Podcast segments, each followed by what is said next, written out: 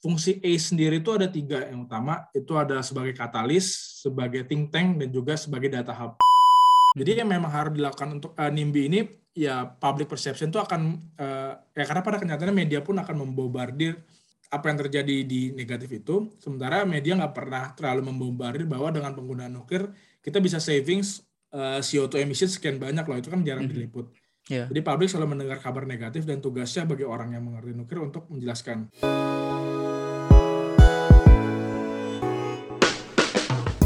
Hai, dari SEO Basic Initiative, aku Harun Ardiansyah dan ini adalah season ketiga dari podcast Bicara Nuklir. Di episode ini, aku ngobrol bersama Alfred Christopher Gurning, officer di ASEAN Center for Energy di bagian ASEAN Plan of Action and Energy Cooperation. ASEAN Center for Energy memiliki peran yang unik untuk mendukung penggunaan energi nuklir untuk kebutuhan sipil. Kali ini, aku ngobrol lebih dalam mengenai apa itu ASEAN Center for Energy dan perannya secara khusus di bidang energi nuklir, studi-studi yang pernah dilakukan oleh ASEAN Center for Energy, PLTN Bataan di Filipina, fenomena Not in My Backyard, dan masih banyak lagi. So, let's check it out! Oke, kembali lagi di Bicara Nuklir. Terima kasih banget nih. Kita udah kedatangan tamu, yaitu Mas Alfred Gurning dari ASEAN Center for Energy. Thank you banget Mas Alfred udah berkenan hadir. Jadi langsung aja. Uh, mungkin Mas bisa minta tolong nggak Mas di background kan karena aku karena aku sempat ngelihat uh, sedikit uh, riset sedikit tentang backgroundnya Mas dan menarik banget dari metalurgi UTB terus habis itu nuclear engineering di Spanyol dikatain dulunya kayak terus di, terus ke Asia Center of Energy ini menarik banget bisa minta tolong diceritain nggak tentang pribadinya Mas Alfred gitu. Uh, boleh boleh. Uh, jadi kalau saya pribadi untuk background education ya betul saya uh, menempuh studi teknik metalurgi di Institut Teknologi Bandung itu dari tahun 2012 sampai 2016. Kemudian satu tahun setelah lulus itu berkesempatan untuk mengikuti program uh, di Eropa itu namanya European Master in Nuclear Energy itu program uh, dual degree untuk tahun pertama itu menempuh Master of Nuclear Engineering di Universitat Politecnica di Catalunya di Barcelona. Eh, lalu untuk tahun kedua itu ngambil spesialisasi eh, di Institut Nasional du Polytechnique di Grenoble di France. Eh, ambil spesialisasi itu Materials Engineering for Nuclear Energy. Dan selama di Eropa juga sempat menyicipi lah industri nuklir yang cukup mature di sana sempat juga terlibat di salah satu startup uh, namanya Copenhagen Atomics hmm. itu ngambil summer internship dua bulan kemudian tesis waktu itu dilakukannya di uh, di pusat penelitian nuklir Belgia itu SCKCN oh. uh, itu untuk tesis waktu itu tentang uh, investigasi korosi aluminium di reaktor uh, di research reaktor Belgia itu namanya BR, BR1 jadi uh, untuk research reaktor, mungkin buat teman-teman yang punya background engineering sedikit, itu dia menggunakan uh, aluminium untuk untuk fuel cell instead of uh, zirconium. Jadi ini cukup waktu itu memikirnya itu cukup relevan dengan yang ada di Indonesia karena reaktor kita kebanyakan masih research reaktor yang sifatnya aluminium. Jadi ya cukup menarik juga sih untuk investigasi koron, uh, investigasi korosi ini untuk sebenarnya tujuan akhirnya itu untuk waste treatment. Jadi oh, untuk iya. bagaimana kita mau waste treatment si uh, fuel cell ini uh, aluminium ini dengan cara sementasi. Hmm. Jadi uh, jadi uh, waktu itu tentang uh, investigasi korosi untuk aluminium di semen. Terus lulus di tahun 2019. Uh, waktu itu 2019 itu di masa galaunya kayak mau kerja apa mau S3 karena kan biasanya kan kita habis satu itu bingung mau kerja apa mau S2, ntar lulus S2, ya bingung mau S3 apa mau kerja. Mm-hmm. Kebetulan lagi nunggu S3 tuh balik ke Indonesia dulu, nyari internship, dapat di ASEAN Center for Energy dan ngelihat sisi lain dari nuklir yang uh, ternyata ada tentang policy, tentang uh, lebih ke government views dan uh, perspektif dan uh, saya internship sekitar 6 uh, sorry 8 bulanan oh, wow. uh, apply apply sebagai officer, technical officer di ASEAN Center for Energy, dan sekarang itu uh, bekerja sebagai uh, ASEAN Plan of Action for Energy Cooperation Officer. Jadi ASEAN Plan of Action for Energy Cooperation atau biasa kita sebut APAEC, itu tuh uh, bisa kita bilang the regional blueprint for energy cooperation in ASEAN. Oh. Ada berbagai macam, ada tujuh program area, salah satu itu Safety Nuclear Energy. Mm -hmm. Di sekarang banyak uh, untuk officer sebagai implementasi dari APAEC. Uh, nggak cuma nuklir energi sih, cuma emang kalau yang nuklir biasanya uh, banyak aku yang megang kalau di IS. Hmm. Jadi ya itu sih dari Juni 2020 sampai sekarang sebagai uh, APAEC officer di IS. Oh wow, ya itu itu menarik banget mas. Tapi aku mau tarik dikit ya. Menarik tadi waktu mas bilang ada uh, transisi dari metalurgi ke ke nuklir gitu. Boleh diceritain gimana? Kenapa kenapa memilih ke ke program yang yang dual degree nuclear engineering itu dari dari metalurgi gitu? Jadi uh, sebetulnya kalau ketertarikan tentang nuclear engineering itu udah dari SMA. Karena zaman SMA hmm. mungkin kita belajar uh, kimia nuklir kalau nggak salah tentang radiasi radiasi dan itu iya. tertarik yeah. tentang fisika atomik kimia atomik uh, cuma pada waktu itu belum uh, kepikiran untuk ambil nuclear engineering mm-hmm. jadi lebih kepikiran untuk uh, jurusan yang lain dan kebetulan pas uh, waktu zaman itu kan namanya PTN tulis mm-hmm. itu keterimanya di uh, Fakultas Teknik Pertambangan dan Perminyakan ITB dan milihnya jurusan teknik metalurgi. Cuma ketika lulus itu Eh, mencari-cari S2, tadinya mau lanjut S2 metalurgi, dan tiba-tiba pas lagi ngeklik ngeklik website, muncul nih suatu program yang menarik, namanya MINE.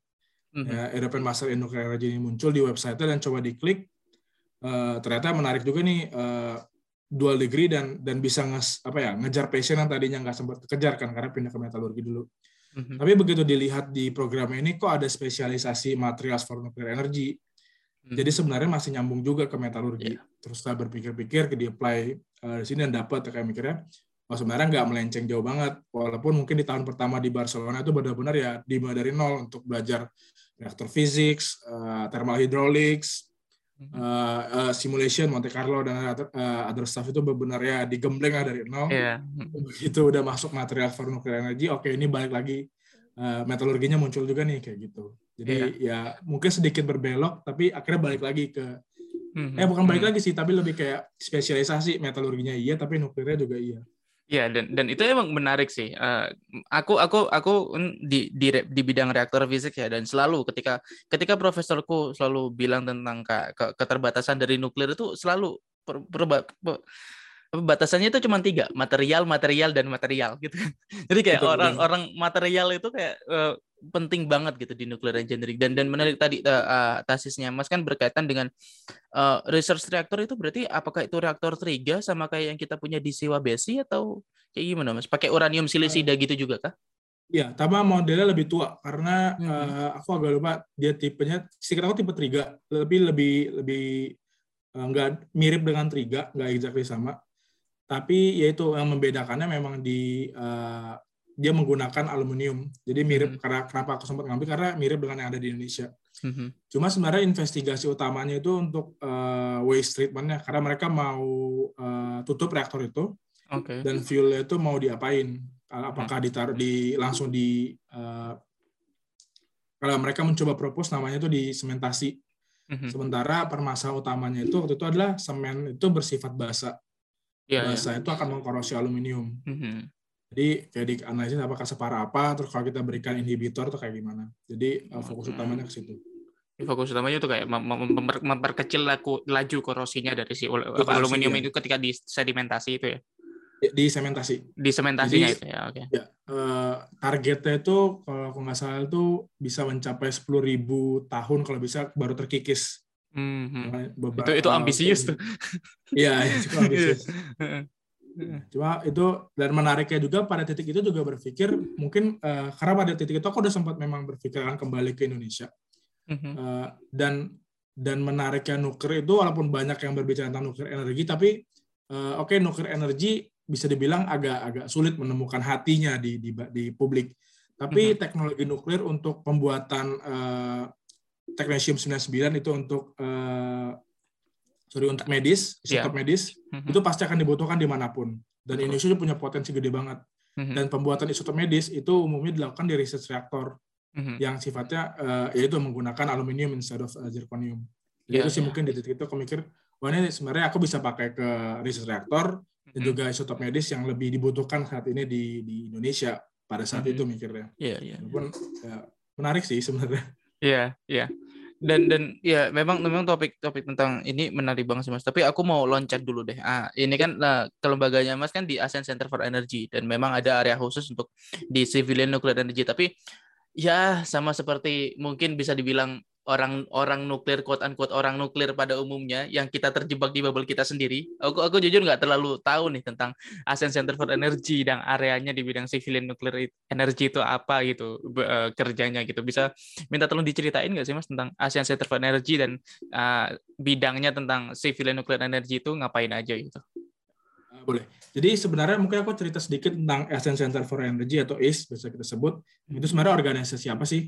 Uh, jadi bisa dibilang kita itu adalah uh, organisasi intergovernmental. Kita bukan swasta, kita bukan juga full punya pemerintah satu negara, enggak.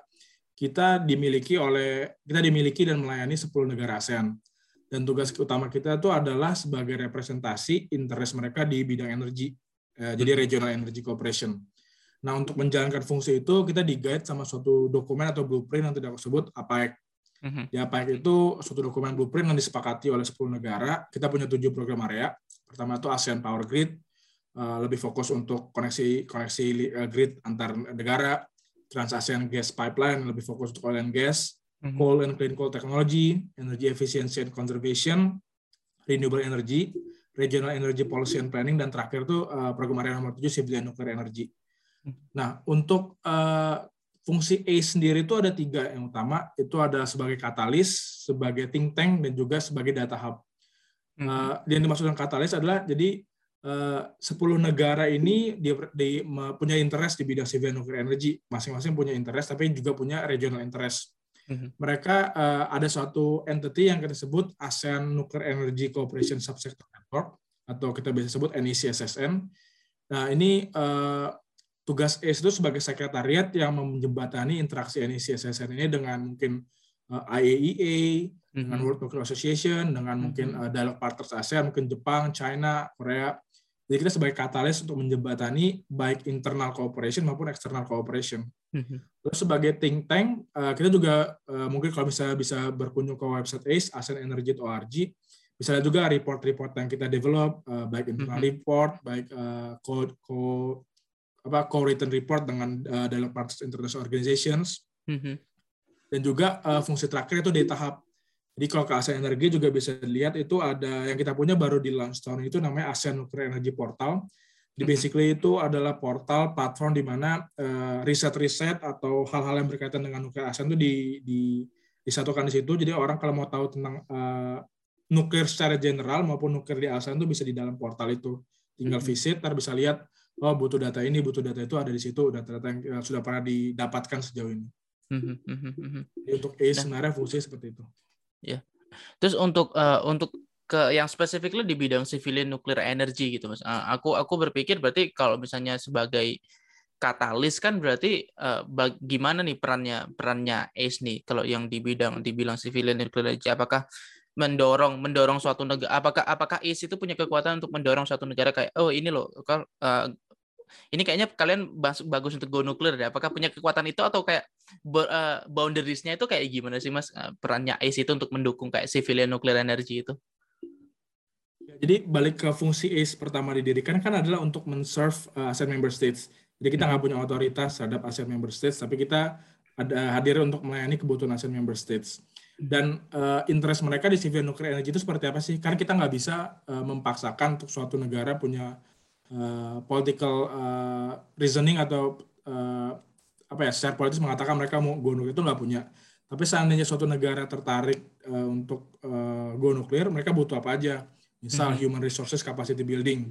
Oke, okay, mm -hmm. uh, capacity building uh, human resources seperti apa? Apakah technical, apakah policy and legal, apakah advanced reactors? Kita identifikasi mereka butuh apa.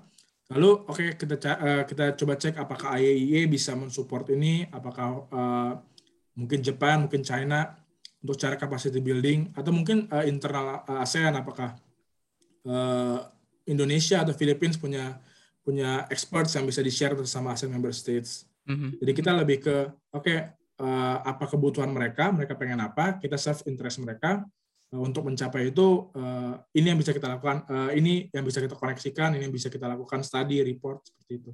Hmm Kalau kalau secara kelembagaan berarti itu nanti uh, ASEAN Center for apa ACE ini nanti ngonekinnya itu antar antar levelnya itu level kementeriannya kah? Atau kayak kayak kayak Batan sama Batannya Indonesia sama Batannya Filipina gitu misalnya? Apakah jembatannya itu antara Kementerian Energinya atau dua institusi penelitiannya gitu? Biasanya prakteknya tuh gimana tuh? Jadi uh, sebenarnya yang kita represent sebagai entitas itu adalah uh, jadi setiap tahunnya itu ASEAN uh, itu punya meeting jadi ada meeting uh, berbagai macam meeting tapi ada satu meeting yang kita sebut AMEM itu ASEAN Ministers on Energy Meeting. Mm-hmm. Jadi kelembagaan yang uh, sorry kementerian yang berurusan mengenai energi itu meeting uh, setahun sekali. Dan mm-hmm. yang kita represent itu sebenarnya interest mereka. Jadi secara uh, tidak langsung bisa dikatakan sebenarnya yang kita representasikan adalah uh, kementerian energinya. Walaupun okay. uh, pada kenyataannya kan misalnya kita ambil contoh SDM Indonesia pasti kan akan berkoordinasi dengan mm-hmm. Philippines uh, Departemen of Energy akan berkoordinasi dengan Philippines Nuclear Research Institute Hmm. Tapi yang hmm. direpresentasikan eh sebenarnya adalah uh, ini ASEAN Ministers on Energy Meeting ini. Tapi tapi kalau misalnya di disariin lagi sebenarnya yang yang di yang di, diwakilkan sebenarnya adalah interestnya ya. Nggak nggak nggak ya. cuma tentang nggak kita nggak terlalu ya quote unquote kita nggak terlalu memperhatikan uh, apa namanya kelembagaannya, tapi yang penting interestnya sama gitu ya. Ya betul. Nah, nah apa yang secara nasional regional. Nah, menarik Mas. Kemudian aku aku lihat uh, kema saya itu bul bulan eh tahun lalu kalau nggak salah tahun lalu itu kan uh, ASEAN Center for Energy itu kan ngerilis uh, nuklir nuklir fact sheet kalau nggak salah. Nah, itu kan di di di tahun lalu. Nah, uh, ini aku aku lihat di negara-negara ASEAN tuh mana aja gitu kan. Uh, yang yang udah punya dari 10 negara itu uh, yang punya fasilitas nuklir gitu kan. Dan dan aku melihat kalau kita nih dibandingkan dengan region-region lain gitu misalnya Asia Timur atau Asia Selatan gitu kan uh, atau bahkan lebih jauh lagi Eropa gitu. Region kita region Southeast Asia ini kan termasuk yang paling sedikit nih memanfaatkan nuklirnya untuk civilian nuclear energy gitu. Uh, gimana as, gimana Ace itu memandang hal ini gitu mas. Uh, maksudnya kayak apakah apakah ini itu apa ya, ya maksudnya gimana peran Ace untuk mendorong itu gitu. Karena ya karena kita termasuk ya itu tadi kita menjadi apa region yang paling rendah memanfaatkan energi nuklir gitu. Gimana Ace memandang ini gitu? Uh, baik lagi uh, kita nggak pernah uh, jadi untuk uh, untuk go for nuclear program itu keputusan hanya ada di negara baik bahkan IAEA uh, eh, sebagai representasi United Nations itu nggak punya wewenang untuk mendorong suatu negara untuk membuat nuclear program. ACE pun punya pandangan yang sama, jadi tidak ada uh, hak atau kewajiban dan kewajiban ACE untuk mendorong suatu negara untuk mempersu nuclear energy. However, kalau memang ada uh, ASEAN member states yang punya interest terhadap nuclear energy dan karena dibentuknya uh, Nuclear Energy Cooperation Subsector Network atau NECSSN dan juga di adanya program area uh, civilian nuclear energy di APEC sebenarnya bisa dikatakan ya bahwa sebenarnya uh, ASEAN member states masih punya uh, masih punya interest untuk implementasi uh, implementasi uh, nuclear program walaupun mungkin uh, levelnya ya berbeda dengan region-region yang lain. Mm-hmm. Dan uh, ACE memandang ini ya ya baik lagi kita tuh hadir di sini untuk untuk men-serve interestnya uh, dan dan ter, uh, dan kita juga bisa melihat mungkin di vaccine itu bisa terlihat siapa sih sebenarnya front runners, siapa yang mm-hmm. punya uh, sudah memasukkan nuclear energy di di uh, energy plans mereka.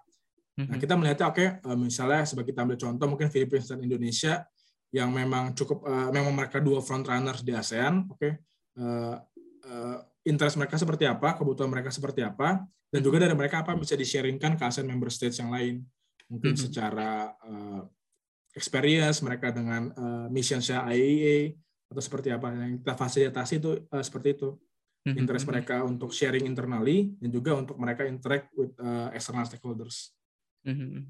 Nah itu menarik. Ngomong-ngomong masalah Filipina nih mas, uh, uh, mereka kan udah punya power plant sebenarnya kan di Bataan, tapi tapi ter, tertunda karena perbedaan pergantian politik itu. Uh, uh, aku aku jujur penasaran tapi uh, nggak tahu nih harus cari di mana. Apakah Ace punya punya kabar ya tentang kondisinya Bataan sekarang? Karena harusnya mencakup uh, ranahnya Ace juga kan untuk mencari tahu kayak kondisinya Bataan sekarang kayak gimana. Uh, ya jadi sebenarnya uh, akan ada studi yang nggak nggak nggak fully dedicated to Bataan tapi akan menyinggung sedikit tentang Bataan dan dan dan plans ya ke depannya. uh, studinya masih ongoing. Intinya kan uh, Batan ini uh, facing uh, difficult, enggak difficult tapi ya it's on a conjunction untuk melihat mau diapakan power plant-nya. Mm-hmm. Karena kan uh, ada opsi untuk revamp atau uh, ya udah dibiarkan itu dan dan uh, VPS membuat uh, nuclear power plant yang lain yang baru. Oke. Okay. Uh, untuk ke, ke berita sekarang sebenarnya yang kita ikuti juga uh, apa yang sedang terjadi di beberapa update selalu ada beberapa interest dari uh, negara-negara untuk assist dalam revamping ini cuma ada ada ada batasan-batasan seperti sekarang kan dia sudah digunakan untuk uh, untuk institusi edukasi mm-hmm. uh, plant ini mm-hmm. belum lagi untuk berbagai safeguards yang harus diimplementasi yang uh, yang baru untuk uh, power plant ini dan yeah. ya balik lagi sebenarnya uh, ada juga riset yang menunjukkan sebenarnya uh, electricity cost dan CO2 uh, emission dari bataan ini kalau misalnya di revamp itu seperti apa itu juga ada studi dari dari Philippines uh, waktu itu sempat uh, sempat saya lihat tapi intinya balik lagi keputusan akan ada di Philippines mhm. apakah mm-hmm. mereka mau revamp atau uh, membuat nuclear power plant baru atau tidak melanjutkan uh, nuclear program mereka. Dan dan ACE stands ready untuk mensupport apa pun keputusan mereka nantinya. Oke okay, ya, yeah. I see. Iya. Yeah. Uh, selain itu nih mas, uh, balik lagi ke ke yang nuclear faction tadi yang tadi uh, yang yang sempat aku mention tadi itu juga um, salah satu laporannya tuh bilang kayak there, there is a low public acceptance gitu kan di bidang nuklir energi gitu. Tapi somehow aku ngeliat ini kok kok agak contradicting ya bahwa uh, Batan itu kan ngelihatnya ini kan kayak udah udah 70% lebih masyarakat mendukung nuklir gitu. Tapi tapi di di A sendiri bilang kayak ada low public acceptance gitu. Yang maksud yang dimaksud dengan low public acceptance itu yang kayak gimana ya Mas ya? ya jadi itu uh, berbicara sebenarnya uh, lebih ke tantangan yang terjadi untuk mengimplement nuklir program itu tidak berbicara spesifik untuk ASEAN as a whole ataupun satu negara tertentu. Uh, karena memang benar uh, Indonesia pernah melakukan survei uh, secara nasional dan juga secara lokal. Uh, tapi memang kita juga tahu ketika dilakukan uh, kita ambil contoh tuh di studi di Moria. Uh, ketika Batam melakukan studi ternyata secara lokal mereka tidak begitu menerima keberadaan nuclear power plant. Dan yang kita coba sampaikan di Vexit itu adalah kadang uh, yang kita coba sampaikan adalah ya fenomena yang kita sama-sama tahu itu NIMBY not in my backyard itu fenomena selalu terjadi. Nah, tapi menariknya adalah kita juga lagi ongoing study untuk untuk uh, public perceptions and uh, awareness level. Jadi kita sedang melakukan studi untuk melihat, oke, okay, secara awareness dan uh, awareness level uh, aset itu sedang ada di mana dan ini merupakan satu studi yang juga exciting sih untuk ditunggu mungkin to be published uh, next year dan kita bisa melihat dari studi ini uh, oke okay, sebenarnya seperti apa sih acceptance level Walaupun sebenarnya Filipina juga sudah pernah melakukan secara nasional dan uh, memang untuk uh, again Indonesian Philippines uh, acceptance-nya cukup tinggi. Uh, tapi balik kadang tentu yang coba disampaikan di Vexit itu adalah kadang begitu dari sighting kita tentukan tempat selalu muncul NIMBY dan okay. itu yang dimaksud dengan low public acceptance itu. Oke, okay, ya. Yeah not in my backyard. Itu sebenarnya kayak dilema yang udah lama banget sih. Bahkan bahkan gak cuma di Indonesia atau di Filipina gitu kan. Bahkan di, di sekarang aja. Kayak yang di di di Amerika juga yang aku lihat tuh ada ada banyak tuh rektor-rektor rektor-rektor baru yang juga mengalami hal yang sama begitu. Cuman aku aku mikir kayak uh, ini ini mungkin di di luar ranahnya is ya mas. Cuman aku penasaran aja gimana opininya mas gitu kayak uh, tentang tentang NIMBY ini ini menurut mas ini aku ngerasa kayak uh, pendapatku ya sebagai seorang engineer ya kayak as long as kayak oke okay, kita kita membebaskan lahan mereka secara adil secara secara benar gitu kan terus habis itu kita memberikan insentif gitu di di masyarakat sekitarnya ya, ya that's fine case close gitu. Tapi tapi kalau mas yang mas lihat dari yang selama ini mas pelajari mungkin di ACE dan tentang tentang NIMBY itu apa sih mas yang terjadi tentang tentang NIMBY ini? Kenapa NIMBY ini menjadi sangat kuat gitu loh? Uh, sebenarnya mungkin uh, dari kuliah pun udah sempat di, di coba ditelisik lah kenapa NIMBY ini terjadi. Uh, pertama itu sebenarnya orang akan uh, begitu mendengar kata nuklir, mereka akan terbayang dengan uh, first of all pasti nuclear weapons, mm-hmm. kemudian Chernobyl dan Fukushima. Mm-hmm. Karena uh, ya memang itu pernah terjadi dan itu sudah apa ya secara ibaratnya uh, brand nuclear energy itu menjadi buruk walaupun sebagai engineer kita bisa ceritakan oh soal nuclear weapon nggak usah takut karena ada uh, non proliferations aksi-aksi mm-hmm. untuk mencegah mencegah uh, penggunaan nuklir sebagai weapon dan juga uh, uranium enrichment-nya berbeda kok untuk di untuk di reaktor dan juga di weapons. Yeah. Untuk Chernobyl dan Fukushima kita bisa cerita oh sebenarnya yang terjadi itu uh, begini-begini kesalahannya sekarang udah nggak ada lagi karena safeguards ABCD. Jadi yang memang harus dilakukan untuk uh, NIMBY ini ya public perception itu akan uh, ya karena pada kenyataannya media pun akan membombardir uh, apa yang terjadi di negatif itu, sementara media nggak pernah terlalu membombardir bahwa dengan penggunaan nuklir kita bisa savings uh, CO2 emission sekian banyak loh, itu kan jarang mm -hmm. diliput. Yeah. Jadi publik selalu mendengar kabar negatif dan tugasnya bagi orang yang mengerti nuklir untuk menjelaskan. Kedua, uh, sebenarnya yang menjadi permasalahan dengan NIMBY itu akan bisa diatasi juga kalau memang nuklir bisa membuktikan kalau dengan penggunaannya udara cerah dan juga listriknya bisa murah. Terus hmm. sebenarnya pada akhirnya kan orang nggak nggak begitu peduli, uh, maksudnya yeah. masyarakat secara umum nggak akan begitu peduli sumber listriknya dari mana. Tapi kalau misalnya dengan ada power plant dia dibikin udara dia sesak dan dia bayar listrik mahal, dia pasti nggak mau. Hmm. Nah, hmm. challenge for nuclear industry adalah bisa nggak sih mereka make, uh, make sure kalau listriknya bisa relatif murah lah kita uh, kita kita bisa bilang relatif uh, relatif murah uh, karena sebagai engineer kita juga tahu sebenarnya murahnya nuklir itu dikarenakan uh, uraniumnya yang tidak begitu uh, tidak begitu dominan dominan source uh, dominan uh, expenses dibanding dengan fossil fuels yeah. dan dan juga pernah dilakukan studi di Prancis itu ternyata anak muda Prancis tuh nggak tahu kalau nuklir itu adalah uh, free apa low ultra low carbon emission mereka mm -hmm. beranggapan bahwa nuklir itu uh, berkontribusi terhadap climate change. Uh, Dan okay. Banyak hal yang sebenarnya dibutuhkan adalah yang menjadi salah satu fokus juga dari APAEC itu adalah increasing public awareness dan juga uh, nuclear literacy. Mm-hmm. Karena mm-hmm. kalau nggak ada itu tuh uh, agak sulit untuk untuk negara mana pun mengembangkan nuklir program. Makanya salah satu uh, dari yang mau dikejar dari APAEC adalah untuk increasing ini public okay. awareness and nuclear literacy. Dan dan itu dan itu juga uh, apa yang aku yang pingin capai juga di bicara nuklir dan juga COBC inisiatif yang lagi aku buat gitu mas. Nah, tapi aku mau follow up ke dua hal deh mas. Yang pertama uh, yang pertama tentang itu uh, nuklir literasi yang menjadi salah satu salah satu bagian dari APEC tuh uh, apa action plan yang yang dari APEC gitu kan. Uh, ada udah ada strategi belum sih tentang kayak uh, nuklir nuklir literasi itu uh, yang yang dimaksudkan di ACE itu kayak gimana? Barangkali kita bisa adopsi dan kita bisa bikin bareng-bareng gitu mas. Itu jadi bisa bisa di uh, ini the, the the blueprint atau apa itu available for public bisa dilihat di uh, website ACE. Jadi intinya itu ada action plans ada outcome based strategiesnya itu ter terlist di situ. Mungkin salah satu bentuk konkretnya yang tadi udah sempat aku share itu tentang uh, Asian Nuclear Energy Portal itu kan salah satu metode untuk mendiseminasi uh, nuclear informations. Kemudian juga studi yang ongoing saat ini tentang uh, to measure public literacy. Dan kita juga uh, ongoing cooperation with World Nuclear Associations, uh, mm-hmm. focusing salah satu fokus area itu nuclear communication.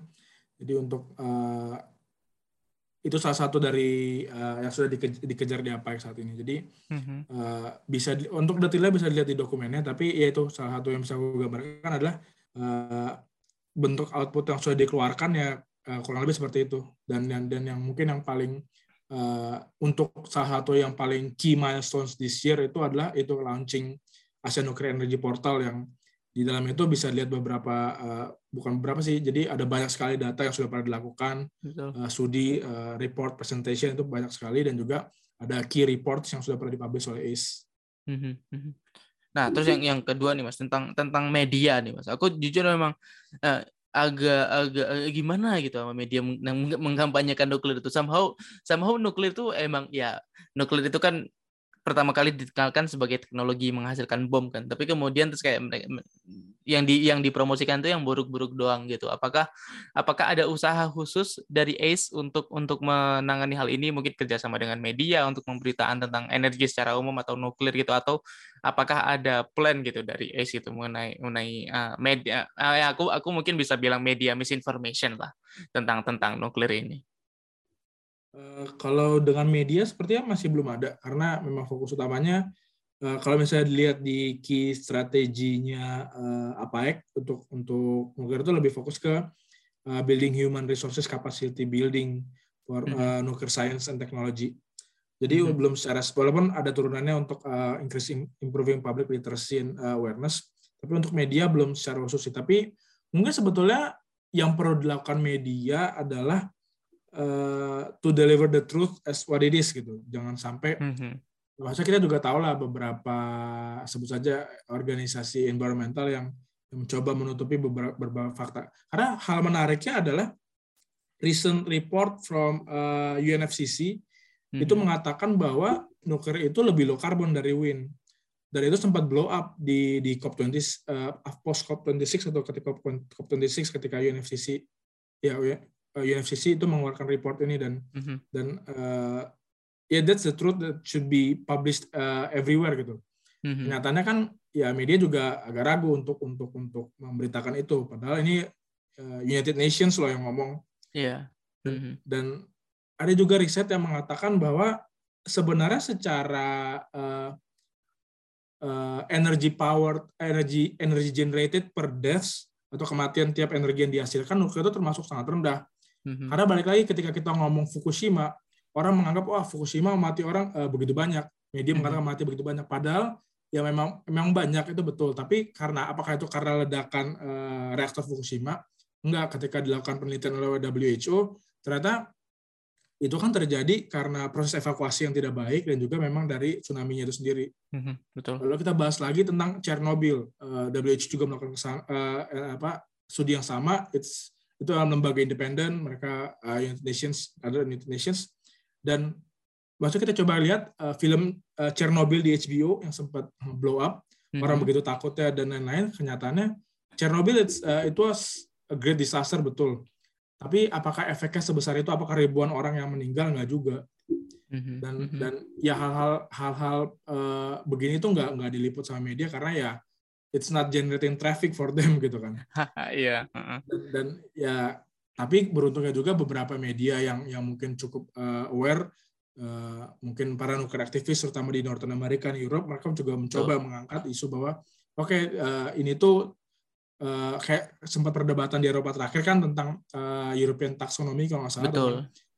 Nuklir bagus uh, boleh nggak masuk ke dalam ke dalam situ kan dan nuklir dan uh, gas bareng-bareng tuh which is which is aneh which is aneh sebenarnya yeah. dan dan ya kayak gitu kayak ya media tidak tidak cukup melip kenyataannya media tidak cukup meliput dan menyatakan bahwa nuklir itu low, ultra low carbon loh. bahkan dia hmm. ketika we are speaking about solar and wind yang dianggap sebagai masa depan karena mereka low carbon, ya secara level uh, secara level emission hmm. dia nuker di levelnya on par bersama mereka. Yeah. Lebih lagi kalau kita bicara lebih jauh, mereka yang uh, base load power dari nuklir yang bisa yang bisa yang bisa yang tidak intermittent bergantung cuaca itu punya punya uh, advantage lebih lagi. Mungkin di nuklir faksi juga beberapa dijelaskan tentang advantage-nya mm -hmm. uh, bahwa ya itu secara secara fuel dia dikit, secara area dia kecil, dia nggak intermittent, begitu dan ya seberapa banyak sih media yang mengangkat itu kayak aku pun baru tahu ketika aku kuliah oh, ternyata uh, lebih banyak daripada aku tahu sebelumnya gitu loh tentang nuklir. Walaupun uh, bukan it's not a perfect energy source gitu, dia juga mm-hmm. butuh uh, waste street, uh, sorry tempat penyetor uh, waste storage. Mm-hmm. Uh, but ya yeah, nggak ada energi yang perfect, tapi uh, itu juga langkah yang kurang tepat kalau memang meniadakan nuker dari dari energy equation. Yeah. Walaupun kembali balik lagi tiap tiap negara mandiri untuk menentukan uh, their energy mix ke depannya kayak gitu. Hmm. Iya, dan dan menarik juga satu hal yang aku lihat juga itu adalah ketika ketika kita uh, ngebahas misalnya tadi ya di COP26 gitu kan. Uh, aku tahu beberapa temanku yang dari dari uh, student student chapter dari American Nuclear Society itu kan ada beberapa yang berangkat ke sana dan uh, dan sebenarnya kan yang yang mencoba dikampanyekan untuk teman-teman ANS ya yang aku tahu yang student chapter itu adalah better together gitu kan. Bahwa harusnya renewable dan nuklir itu berjalan berdampingan dan musuhnya adalah fossil fuel gitu kan. Tapi entah kenapa ini sekarang itu malah jadi yang gontok-gontokan itu adalah renewables dan nuklir energi gitu. Padahal musuhnya itu fossil fuel gitu. Nah ada ada ada pendapat nggak mas tentang ini? Tentang tentang kayak kok kok renewable sama nuklir gitu yang gontok-gontokan gitu. Itu yang sebenarnya perlu di, dipertanyakan kan apa yang terjadi, kenapa kenapa dua clean energy sources ini harus diperdebatkan. Mm-hmm. Bukankah ya pursue both of them depends on your country uh, conditions kan kayak. Yeah. Tapi yang kita kenyataannya adalah uh, ya itu sih aku juga kurang begitu mengerti kenapa. Mungkin yang bisa aku kasih ke perspektif adalah ya advanced nuclear reactors itu memang memang sedang diusahakan untuk uh, punya punya kemampuan untuk load following. Ibarat kata advanced nuclear reactors akan akan mampu untuk memberikan energi ketika matahari tidak bersinar dan angin tidak berembus. Hmm. Dan kalau memang opsi itu ada dan bisa diterima semua orang, bukankah berarti nuklir itu menjadi suatu uh, complementary teknologi? Kita kita realistis uh, baterai itu nggak akan bisa secepat itu untuk grid level untuk bisa mensuplai negara dengan uh, dengan kemampuan baterai dibutuhkan energy sources yang lain dan one of the option is nuclear energy mungkin lebih hmm, hmm, realistis kayak gitu. Yeah. Dan uh, ya itu sih lebih ke ya if you are going to aim for a better future which is like low carbon future mm-hmm. why uh, ya yeah, all options are should be available kayak gitu sih aku balik ke pernyataan aku yang tadi sih mm-hmm. kembali uh, mungkin uh, mungkin aku mau uh, ke ke balik lagi ke Indonesia gitu mas uh, aku ng aku ngeliat gini sih ini ini mungkin pendapat aja sih mas bahwa uh, aku aku udah melakukan podcast ini udah udah setahun lebih dan kayak aku udah mewawancari banyak orang dan kayak aku aku somehow ngerasa kayak advokasi di bidang nuklir itu somehow tidak berjalan secara efektif gitu. Karena aku ngerasa kayak yang menjalankan itu hanya engineer saja gitu. Contohnya mungkin bisa kita lihat ketika dulu di Muria gitu kan waktu 90-an waktu waktu mau ngebangun PLTN di Muria gitu bahwa uh, ada apa ada dukungan dari apa tuh namanya uh, eh, NGO yang yang kontra nuklir yang juga menghasut uh, bisa dibilang bisa menghasut masyarakat untuk kayak uh, anti dengan nuklir gitu. Dan dan itu juga yang membuat si si apa itu namanya si aktivis nuklirnya keder gitu. Mereka kalah debat lah bisa dibilang gitu. Lalu uh, apa itu dengan dengan uh, yang sekarang ada gitu kan di North America sekarang juga aku lihat aku lihat banget lagi lagi gencar lagi nih kampanye-kampanye dengan nuklir nuklir aktivisme nuklir advokasi itu. Kalau di di level Indonesia atau bahkan atau di ASEAN sendiri itu gimana Mas melihat tentang nuklir advokasi ini? Apakah apakah perlu adanya nuklir advokasi ini di di level ASEAN gitu sehingga mendorong kemajuan uh, energi nuklir untuk makin diterapkan di di banyak negara gitu uh, menurut aku uh, satu hal yang challenging dan menarik tentang nuclear industry ada tentang communication. Karena aku juga baru nyadarinnya ketika kuliah.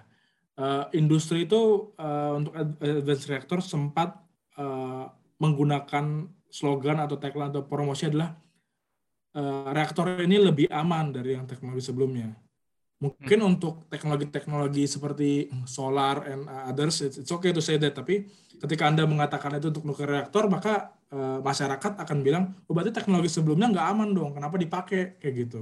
Mm-hmm. Itu ada challenge-challenge di mana we need the skills and technique to communicate well gitu. Dan ini uh, salah satu hal yang juga dicoba dikejar di di APAEK untuk untuk kita gimana sih mengkomunikasikan itu dan juga tadi uh, mengkomunikasikan hal-hal yang yang yang sifatnya engineering, scientific, maksudnya kita oke okay, engineering kita bisa bicara soal sieverts, Becquerel.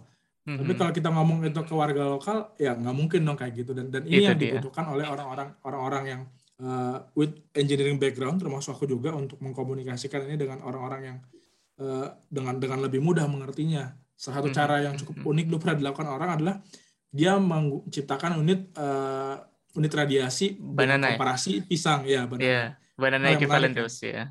Equivalent dose dan hmm. dan ya itu uh, we need more people uh, equipped with the skill to communicate nuclear. Itu pertama yang dibutuhkan pastinya. Dan uh, advokasi itu sendiri ya balik lagi tidak ada satu entitas pun yang berhak memaksa suatu negara untuk go nuklir. Itu semua balik kan keputusan ke pemerintahan karena ya pada kenyataannya untuk go nuklir itu butuh stabilitas politik. Mm -hmm. Tapi uh, feel free untuk uh, students, uh, engineering communities, uh, kalau memang kayak misalnya Harun juga dengan dengan, dengan uh, COBC inisiatifnya juga mengkomunikasikan, it's, it's uh, feel free to do that karena kita butuh orang yang bukan untuk mengkontra mereka yang uh, anti nuklir, tapi untuk menyampaikan suatu hal yang benar tentang nuklir. Mm -hmm. Karena ya orang-orang yang terutama yang terdidik dengan engineering background dan scientific background di nuklir punya informasinya dan kita dididik bukan untuk mempromosikan nuklir, enggak kita dididik untuk mengerti nuklir seperti apa. Sementara di lain pihak ada orang-orang yang dididik untuk melawan nuklir. Dan the, the people need to hear the truth kalau nuklir itu begini, kita sampaikan kalau A ya A, kalau B ya B. Kayak tadi aku juga hmm. bilang, nuklir itu nggak perfect. kita butuh yeah. uh, waste, kita butuh bla bla bla bla. Mm-hmm. Ya ini yang butuh dikomunikasikan dan ya uh, mungkin uh, atau hope lah lebih lebih ke hope aku harapan aku adalah ya generasi muda terutama di Indonesia aku lihat itu banyak yang semakin tertarik dengan nuklir energi dengan alasan uh, ya kita menuju low carbon gitu. Climate change getting real uh, dan mereka mungkin juga aku juga nggak bukan orang-orang yang sangat muda lagi tapi aku juga melihat orang-orang yang melihat kita udah ngomong uh, PLTN di Indonesia itu dari tahun kapan tapi belum ada juga sampai sekarang dan ya generasi muda menjadi salah satu harapan juga untuk mereka mengerti coba belajar tentang nuklir dan mencapaikan sesuatu yang benar dan itu juga mungkin salah satu harapan dari ASEAN Nuclear Energy Portal dan aktivitas-aktivitas is buat orang well equipped uh, ini informasi yang benar uh, ini informasi yang dibutuhkan tinggal uh, kita juga sedang mencoba untuk equip them with the right communication skill dan mm -hmm. itu ntar uh, ya balik lagi gerakan bisa dilakukan di mana aja mm -hmm.